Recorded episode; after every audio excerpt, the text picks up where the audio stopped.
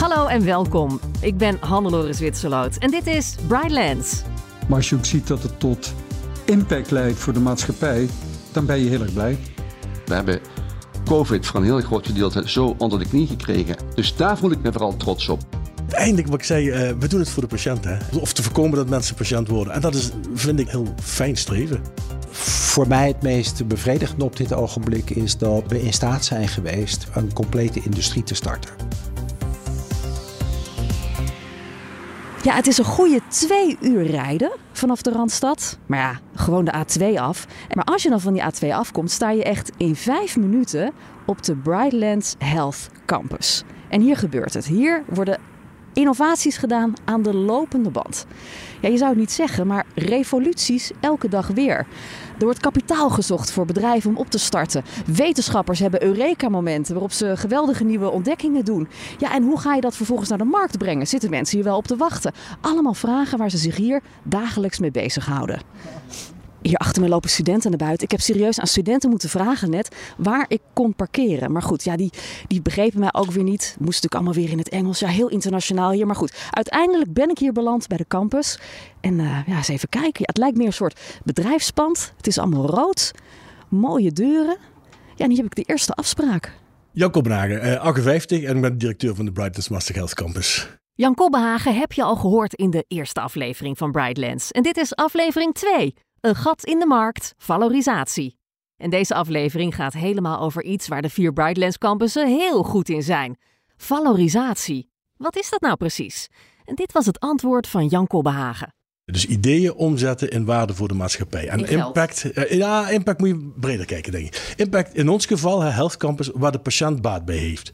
Dus betere diagnoses, betere preventie, effectievere behandelingen, nieuwe medicijnen, nieuwe medische tools en dergelijke. Dus allemaal zaken waar de patiënt baat bij heeft. En dat begint met een uitvinding, met een idee van iemand. Secundair zou je ook kunnen zeggen, nieuwe effecten voor de volksgezondheid. Dat we zaken goedkoper kunnen doen. Dus valorisatie is het omzetten van know-how, uitvindingen in waarde. Hoe ziet dat proces eruit?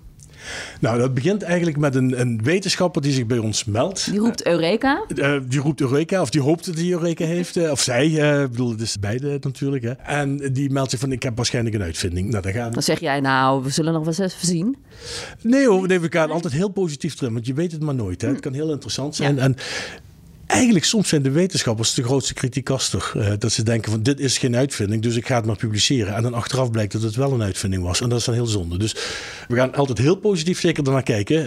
Meestal begint dat bij een business developer van ons. Dat zijn science business experts. Dus mensen die historie hebben in de wetenschap. Vaak ook al een uh, proefschrift geschreven hebben. En in het bedrijfsleven gewerkt hebben. Of nog steeds. Sommigen zijn part-time bij ons in dienst. En runnen daarnaast een eigen start-up.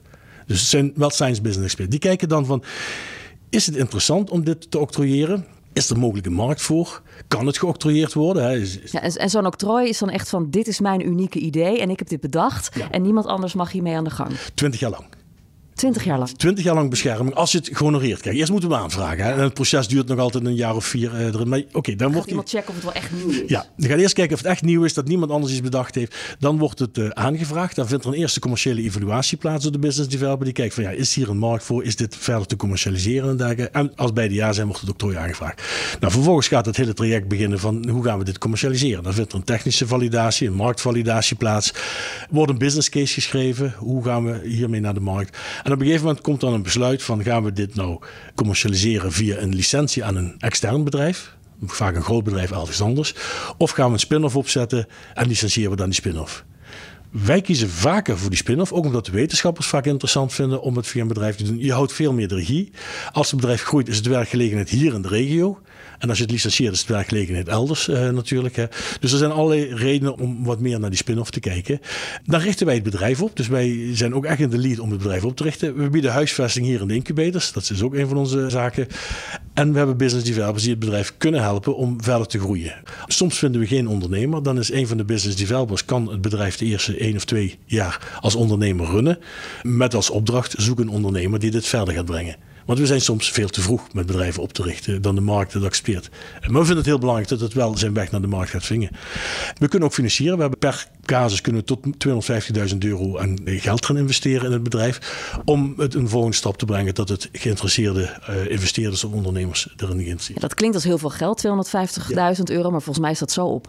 Nou, bij life sciences gaat dat redelijk snel. Maar we worden wel aandeelhouder. Dus we zijn aandeelhouders, we investeren in een bedrijf wat wij zelf in uh, aandeelhouder in zijn. En we blijven dan betrokken bij zo'n bedrijf tot er een exit plaatsvindt. Dus we zijn soms bij zo'n casus, dan zit je tien, en zeker in de life sciences, soms tien jaar bij betrokken. Ja, en dat geld wat jullie hebben, dat komt er weer uit andere succesvolle start-ups? Of... Voor een groot deel komt dat uit andere succesvolle. Kijk, als wij rendement maken, sowieso de helft van dat geld gaat terug naar onderzoek waar de valorisatie uit voortkomt. Dus dat zijn interessante budgetten voor wetenschappers, waar je weer nieuw onderzoek op kan gaan doen. En de andere helft gebruiken we inderdaad voor de eigen organisatie, maar ook om te investeren in nieuwe bedrijven en andere bedrijven. En ik heb Jan Kobbehagen gevraagd om een paar succesvolle bedrijven te noemen die hier in Maastricht zijn begonnen. Kijken we naar valorisatie, ik denk dat Mozambique echt een hele interessante is. Uh, Mozambique bekend, denk ik. Uh, ja. Inmiddels wel. ja? ja, ik heb nog steeds geen hamburger mogen proeven. Dat mag maar... niet in Nederland, geloof ik. nee. hè? Uh, dat kan Mark Post wel vertellen, maar volgens mij mocht dat op dit moment nee, nog nee, niet uh, formeel. Uh, men was het wel van plan met de Koningsdag, maar zelfs daar mocht het niet voor. Nee? Oh, nou, misschien stiekem. Nee, ja. Maar dat is mooi, een heel mooi voorbeeld, vind ik, van, van valorisatie. Want heel veel mensen denken altijd, je kan alleen patenten valoriseren. Nou, in Mozambique geval, het begon met know-how niet geoctrooieerd, want dat kon niet in dat geval. Um, en toen hebben we een holding opgericht waar twee bedrijven onderkomen: Mozambique, het kweekvlees, en Corium, het kweekleer. En dat is dezelfde technologie. Dus in de holding zit de licentie op de technologie, de basistechnologie. En die wordt dan weer gesubsidieerd naar twee bedrijven. Uh, het bedrijf is verder gaan groeien. Mark Post heeft daar een heel belangrijke rol in gespeeld. Peter Verstraten, twee oprichters eigenlijk. Hè. Peter meer de, de, uh, de, de productieman uh, en Mark de wetenschapper. Ja, en die hebben het enorm goed gedaan. Uh, inmiddels is er, ik geloof, iets van 100 miljoen geïnvesteerd door andere partijen in dat bedrijf. Een van de eerste aandeelhouders was Sergey Brin, oprichter van Google. Onlangs is uh, Leonardo DiCaprio toegetreden als aandeelhouder. Ja. ja, die probeer ik nog steeds te strikken ja, voor een interview. Ja. uh, nee, maar je ziet dus dat daar investeerders uit de hele wereld komen. En dan is het toch wel mooi dat zo'n bedrijf hier in Maastricht hier gestart is. Waar uh, vanuit de hele wereld mensen nu naar het kijken zijn om daar een succes van te maken. Ja. En heb je nog een uh, succesverhaal? Ja, er zijn er meer. Uh, uh, Cryosol bijvoorbeeld? Cryosol is ook een heel uh, mooi initiatief. Twee, ja, zeker. Um, en volgens mij is zelfs de, de, met het coronavirus dat ze dat in kaart of, gebracht hebben. of een foto van hebben kunnen maken dankzij hun. Maar dat moet je even aan hun vragen. Hmm. En anders moet je het hier even uitknippen. um, maar Cryosol is ook ja, een bedrijf, daar gaat heel veel geld in om. Ja, hè? Klopt. Maar het leuke van Cryosol is, het bouwt eigenlijk voort op een oudere technologie waar we al eerder mee aan de slag gegaan zijn. Je had Master Instruments, dat is een uh, volle dochter van de universiteit. Um, die vaak uh, proberen te commercialiseren wat een wetenschapper uh, aan techniek nodig heeft. Dus vaak om onderzoek te kunnen doen uh, heb je een bepaald soort apparaat, techniek nodig die niet altijd op de markt is. Nou, dan gaat zo'n wetenschapper naar een instrumentele dienst van de universiteit en die kijkt of ze dat houtjes touwtjes kunnen maken. Um, en vervolgens, als die wetenschapper dit hard nodig heeft, dan zou het best wel eens kunnen zijn dat meer wetenschappers dit willen hebben. En dan is het Master Instruments een bedrijf, een BV, volle dochter, die dan kijkt van kunnen wij dit commercialiseren? Kunnen we hier een product van maken en in de markt zetten? Nou, zo is ooit de, de Vitrobot in de markt gekomen. Dat is een vitrificatierobot voor elektronenmicroscopie. Dus om het sample wat je gaat bekijken op die elektronenmicroscopie heel snel te bevriezen, zodat de structuur en alles intact blijft en je het goed kunt bekijken. Uh, daar is gekozen voor een licentie aan een groot bedrijf. En dat is heel interessant, want in die samenwerking met het groot bedrijf uh, komt er ook veel kennis weer naar de universiteit en je gaat allerlei dingen samen ontwikkelen. En toen is een, een van de betrokkenen, die heeft een nieuwe techniek ontwikkeld, die nog veel beter is. En daarvoor hebben we gekozen om een eigen bedrijf op te richten en daar de licentie aan te geven. Dat is Cryosol geworden. Een briljant idee transformeren naar een rendabel product is geen eitje. En daarom, zegt Jan Kobbehagen, moet je naar de incubator. Op een gegeven moment wil je ook naar productie. Nou, dan moet je dat zelf gaan opschalen en die expertise niet installen. Dus als je dat allemaal moet gaan opbouwen, is dat best wel een lang proces. Met vallen en opstaan. We hebben Meddays opgericht, een bedrijf hier op deze campus, die in feite dat biedt. Die hebben cleanroom faciliteiten, maar ook het hele kwaliteitszorgsysteem, het hele productiesysteem. Dus een bedrijf komt in een warm bad daar en ze worden ontzorgd, zou je kunnen zeggen, en ondersteund om een kwaliteitszorgsysteem over te nemen en daar hun eigen van te maken en productie op te schalen. Nou, daar zou je alles een jaar mee kunnen verkorten, die hele doorlooptijd. En dat is veel. Hè? Je hebt er twintig jaar bescherming op je patent, als je dat al een jaar...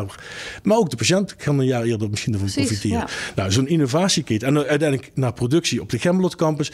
Door zo'n innovatieketen te bouwen, zie je dat je op verschillende manieren al veel meer efficiëntie in dat systeem gaat brengen. Ja, bepaalde processen kunnen misschien ook parallel aan elkaar Kunnen ook wel lopen, parallel soms. Ja, klopt. op Want we- het is allemaal dezelfde organisatie. Wij zijn ook aandeelhouder in Medis. De Gemmelot Campus is aandeelhouder in Medis. Dus het is wel dezelfde club. En het leuke is als je nou eens een keer een, eh, het biomedische ecosysteem van Limburg in kaart gebracht heeft. En als je dan eens daaruit filtert van alle partijen waar of de Gemmelot Campus of wij aandeelhouder of participanten zijn of onze aandeelhouders dat zijn.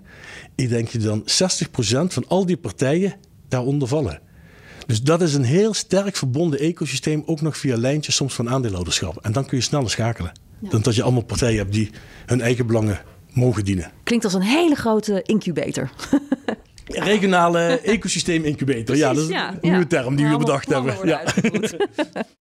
De regionale ecosysteem incubator. Leuke uitdrukking. We moeten maar snel een octrooi aanvragen, want dat doen ze ook bij Brightlands. Een rendabel bedrijf creëren van idee naar de markt is een flinke klus. Ik heb Jan Kobbehagen gevraagd waarom het voor hem de moeite waard is. Dit is ook de passie die we hebben met z'n allen hier om dat te realiseren. Uiteindelijk, wat ik zei, eh, we doen het voor de patiënt. Hè? Om, of te voorkomen dat mensen patiënt worden. En dat is, vind ik, een heel, heel fijn streven. En het geld wat we verdienen gaat terug naar nieuw onderzoek of financiering van nieuwe start-ups. Het blijft in het publieke systeem. En als je dat dan kunt financieren, het nieuwe onderzoek, dan komt er ook weer nieuwe valorisatie uit over een tijdje.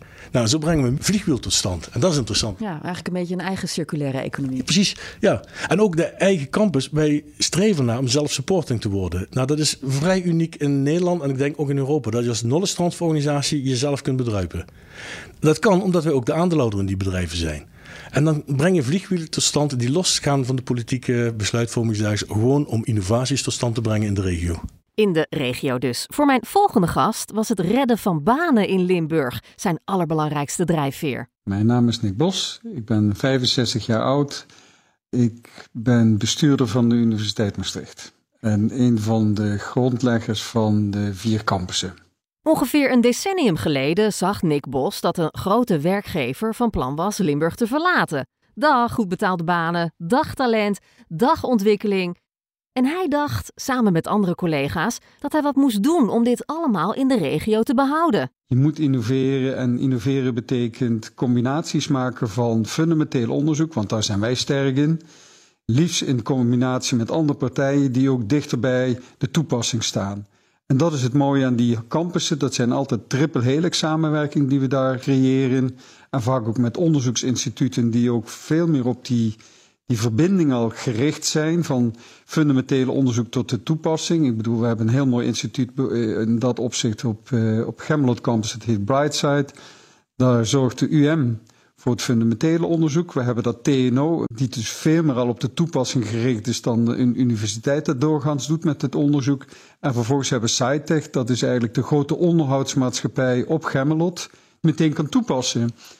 En zo hebben we een keten gecreëerd in één en hetzelfde onderzoeksinstituut van het fundamentele onderzoek tot de directe toepassing. Nou ja, die keten dat werkt eh, grandioos en dat is het fijne dat we dat op campus kunnen uitproberen, want eh, ja, dan begin je op een tabula rasa en je kunt dus van medevaan vormgeven. Dat hebben we ook kunnen doen. Dat zijn wel dingen om trots op te zijn. Nieuwe concepten, nieuwe constructies die zichzelf bewijzen. Kun je beschrijven welke rol de universiteit speelt in het proces van de valorisatie? Dus strikt genomen rekenen wij ons drie taken toe als universiteit. Dat is goed onderwijs verzorgen, goed onderzoek en impact realiseren. En dat een ander woord ervoor is valorisatie. Het stimuleren van het ontstaan van start-ups en uh, start-ups uh, groter maken tot succesvolle bedrijven. En hoe belangrijk is uh, het instituut Brightlands hiervoor? Is het ook essentieel? Ja, het is wel essentieel, want je ziet dat steeds meer vraagstukken niet alleen vanuit de wetenschap benaderd kunnen worden en opgelost kunnen worden. Of niet alleen vanuit de overheid, maar juist die samenwerking vraagt. Ja, jullie hebben elkaar echt nodig en vullen elkaar perfect aan op deze manier. We vullen elkaar. Uh, ach, perfect is een heel goed woord. Maar ja, we, we vullen elkaar wel van nature meer aan dan dat we dat zouden doen als we uh, voortdurend als drie aparte entiteiten zouden optreden. We zijn eraan gewend samen te werken. Dat is het in essentie. We werken al samen op veel terreinen. Je weet elkaar makkelijker te vinden. Je weet ook de verschillen te duiden tussen de verschillende organisaties. Want een overheidsinstantie is echt iets heel anders dan een universiteit. En is ook iets heel anders dan een bedrijf. Maar dat leer je langzamerhand. Hoe anders eh, de andere partij is en hoe je daarmee om moet gaan. En dat helpt heel erg in de samenwerking. Als ik jou zo hoor praten, je klinkt ontzettend bevlogen. Eh, je werkt ook al een hele tijd, heb ik begrepen, voor de Universiteit van Maastricht. Mhm. Wat maakt je werk zo leuk? Wat drijft jou? Het is sowieso heel leuk om met inhoud veel bezig te kunnen zijn. Inhoud op zichzelf, dat is wat minder spannend als dat je dat kan doen in combinatie met uh, nieuwe organisatievormen, nieuwe samenwerkingen. En dan vervolgens ook zien dat het rendeert en rendeert is. Ik ben heel trots, en dat zie ik ook met medewerkers met wie dit allemaal samen doe. Want uh, het lijkt erop alsof ik het doe, maar dat is natuurlijk maar heel erg ten dele in het geval. Het is allemaal teamwerk met een grote dedicated staf. Maar je ziet dat het ook een verschil maakt. En ik ben er ook heel trots op als we uiteindelijk in staat zijn om in Venlo een heel nieuw concept neer te zetten rondom circulariteit en de toekomst van farming de verder gestalte te geven. En daarmee ook die eh, hele regio een innovatieve impuls te geven. Dat is iets wat je sowieso, denk ik, iedere medewerker aan een universiteit eh, begeestert. Maar als je ook ziet dat het tot impact leidt voor de maatschappij, dan ben je heel erg blij. Ja, en heel erg eh, gestimuleerd om daarmee door te gaan. Nick Bos is bestuurder van de Universiteit Maastricht en een van de grondleggers van de vier campussen.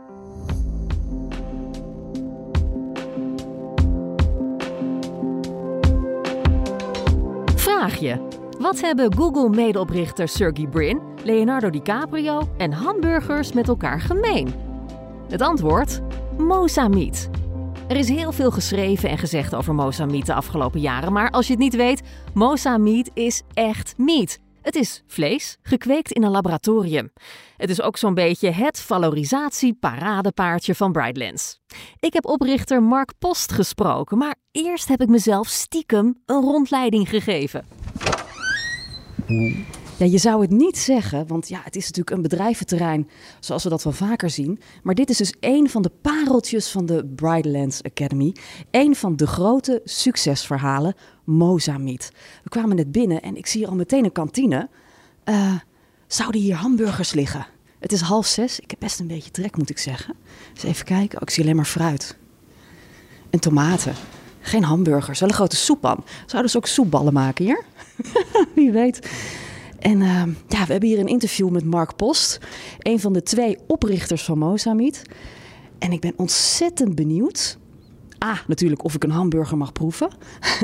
maar B, ook um, hoe noodzakelijk dit is. Ook voor het voortbestaan van onze planeet. De hele discussie hè, die nu gaande is met alle boeren. Hoe denkt Mozamiet daarover? Hallo. Hallo. Even uit. Hoi, Annelore.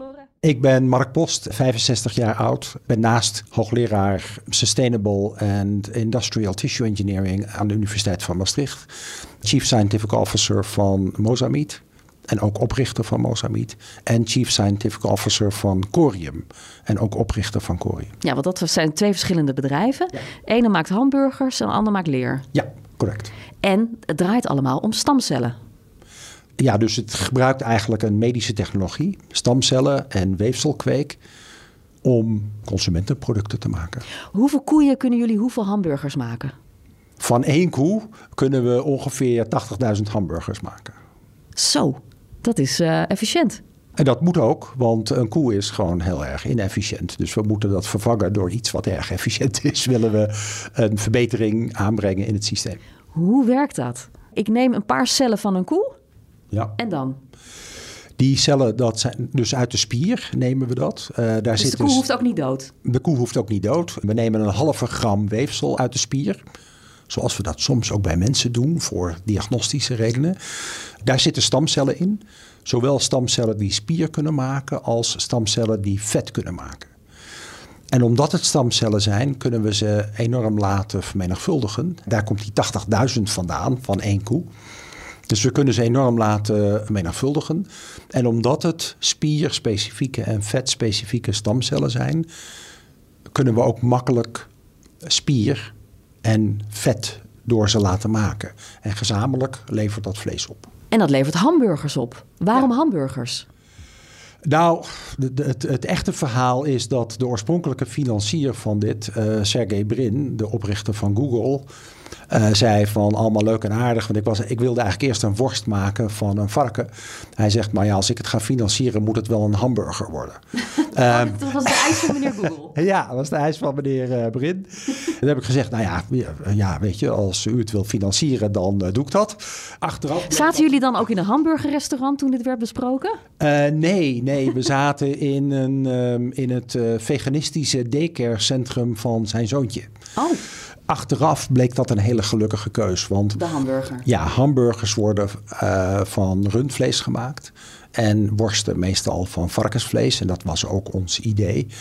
Maar als je daar even over nadenkt, de milieu-impact van runderen is veel en veel groter dan dat van varkens. Dus dat was de oorspronkelijke reden waarom we dit wilden doen. Om een uh, positieve impact te hebben op het milieu. En dan zijn runderen een veel betere keus om te vervangen dan, uh, dan varkens. Ja. Nog even terug hè, naar dat hele allereerste begin. Was het echt jouw idee om Nee. dat kweekvlees te gaan maken? Nee, dat is het nooit geweest. Uh, het is eigenlijk al een heel oud idee. En in Nederland heeft een zekere meneer Van Elen al in 2004 of zoiets bedacht van we moeten dit nu echt gaan doen. Dat was geen wetenschapper. Hij was restauranthouder en uh, hij had een galerie, volgens mij, ik weet ook niet helemaal precies.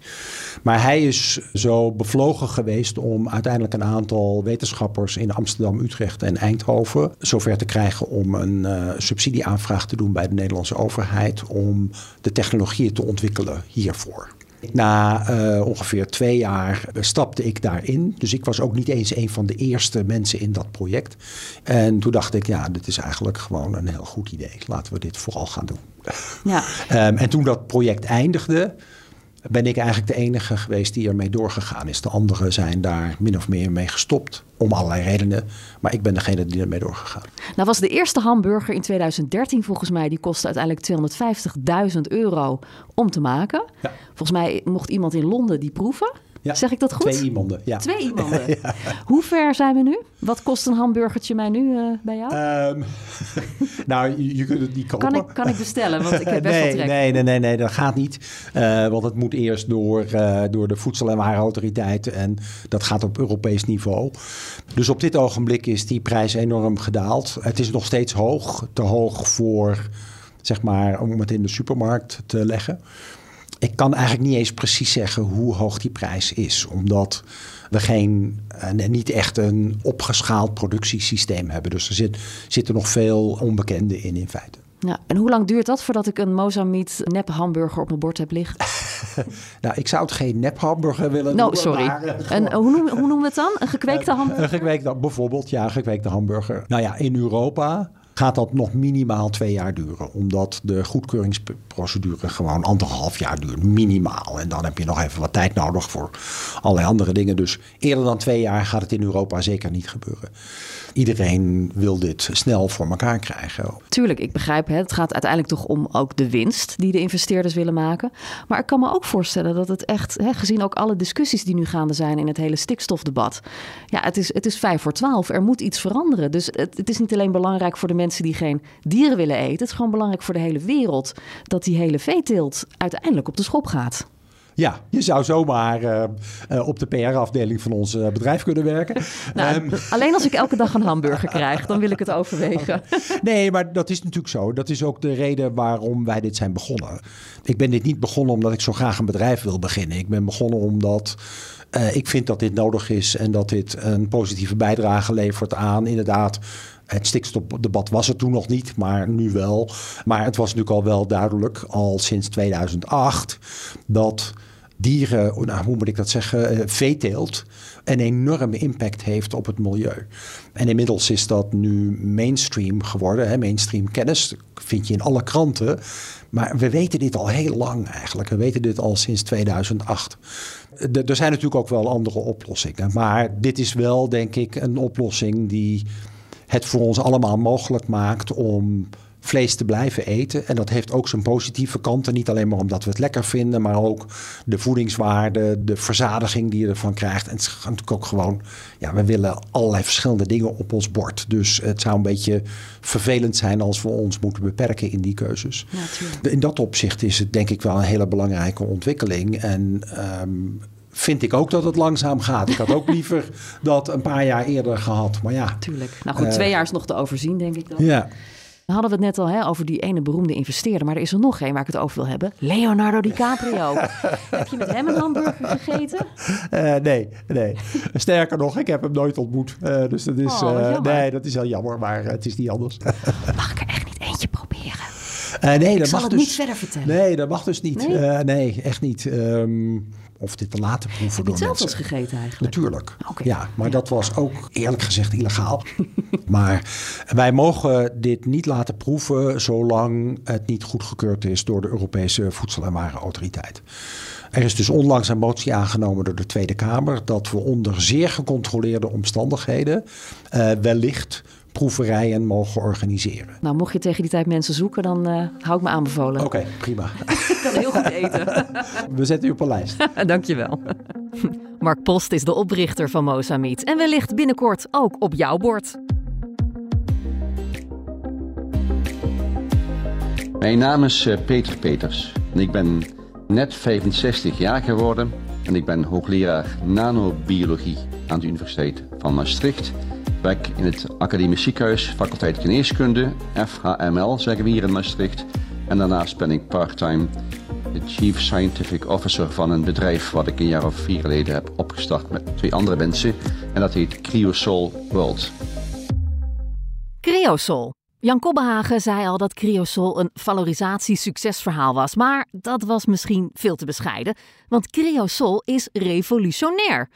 Kort samengevat, dankzij Creosol en producten zoals de Vitrobot kunnen medische wetenschappers eiwitten zien met hoge resolutie. En dat betekent betere immunotherapie tegen kanker. Je kunt erfelijke ziektes opsporen en vaccins snel maken, inclusief vaccins tegen corona. In de productie van het vaccin is de Vitrobot, die hier in Maastricht door mijn collega's is gemaakt, een essentiële stap geweest. Want het eiwit werd gesequenced in Peking in februari, drie jaar geleden. En een maand later gingen mensen in Texas en vier andere plaatsen die eiwitten maken van het spike-protein in dat virus. En toen ze het eiwit hadden opgezuiverd, was de Vitrobot uit Maastricht essentieel om het in te vriezen en de microscoop uit Eindhoven essentieel om de 3D-structuur op te helderen. En toen we die hadden, konden de mensen onmiddellijk zien, oh daar en daar en daar moeten we een kleine aanpassing maken in het RNA, zodat we een veel stabieler eiwit krijgen, wat we dan bij mensen kunnen inspuiten, zodat ze een heel mooi spike-eiwit maken in het lichaam, wat als een heel goed vaccin gebruikt kan worden om een goede weerstand op te bouwen. En dat is gelukt, want uh, we hebben COVID voor een heel groot gedeelte zo onder de knie gekregen. Dus daar voel ik me vooral trots op, dat dat is gelukt. En dat is uh, een van de voorbeelden van honderden ja, ziektes waar ons apparaat voor gebruikt wordt. Nou, dit klinkt echt bijna als science fiction. De geneeskunde van de, van de toekomst. Nou Ja. gaat uh, deze aflevering ook over valorisatie. Uiteindelijk Ja. heeft iemand een keer dit idee gehad. Kun je het proces beschrijven van het idee tot op het moment dat het echt op de markt verscheen? Ja, het begon met een goede vriend van mij, Jacques Dubouchet, die uh, in Heidelberg werkte, in het EMBL. En die had in 1980 een hele goede manier bedacht om eiwitten in te vriezen met vloeibaar ethaan. En niet veel later hebben mensen uit Maastricht bedacht, wij gaan dat idee omzetten in een apparaat wat we wereldwijd kunnen verkopen.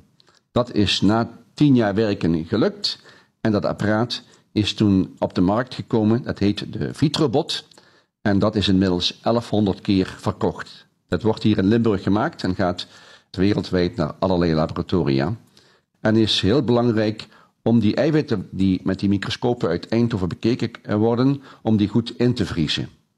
En ons nieuwe apparaat, de Vitrojet, wat Cryosol dus nu maakt en levert, we doen het niet meer uitlicenseren aan dat bedrijf in Eindhoven, maar we gaan nu met ons eigen bedrijf dit op de markt brengen, is een complete nieuwe generatie. Dus de Vitrobot moet je zien als een oude telefoon die aan een muur hangt. Ons nieuwe apparaat is vergelijkbaar met een iPhone met heel veel functies en heel veel artificial intelligence en hoge ontwikkeling, zodat het eh, heel veel beter gaat, reproduceerbaar en veel dunner.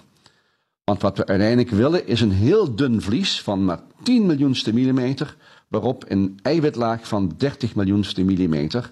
En dat zodanig invriezen dat er geen schade ontstaat bij het invriezen. Dus dat moet supersnel gebeuren.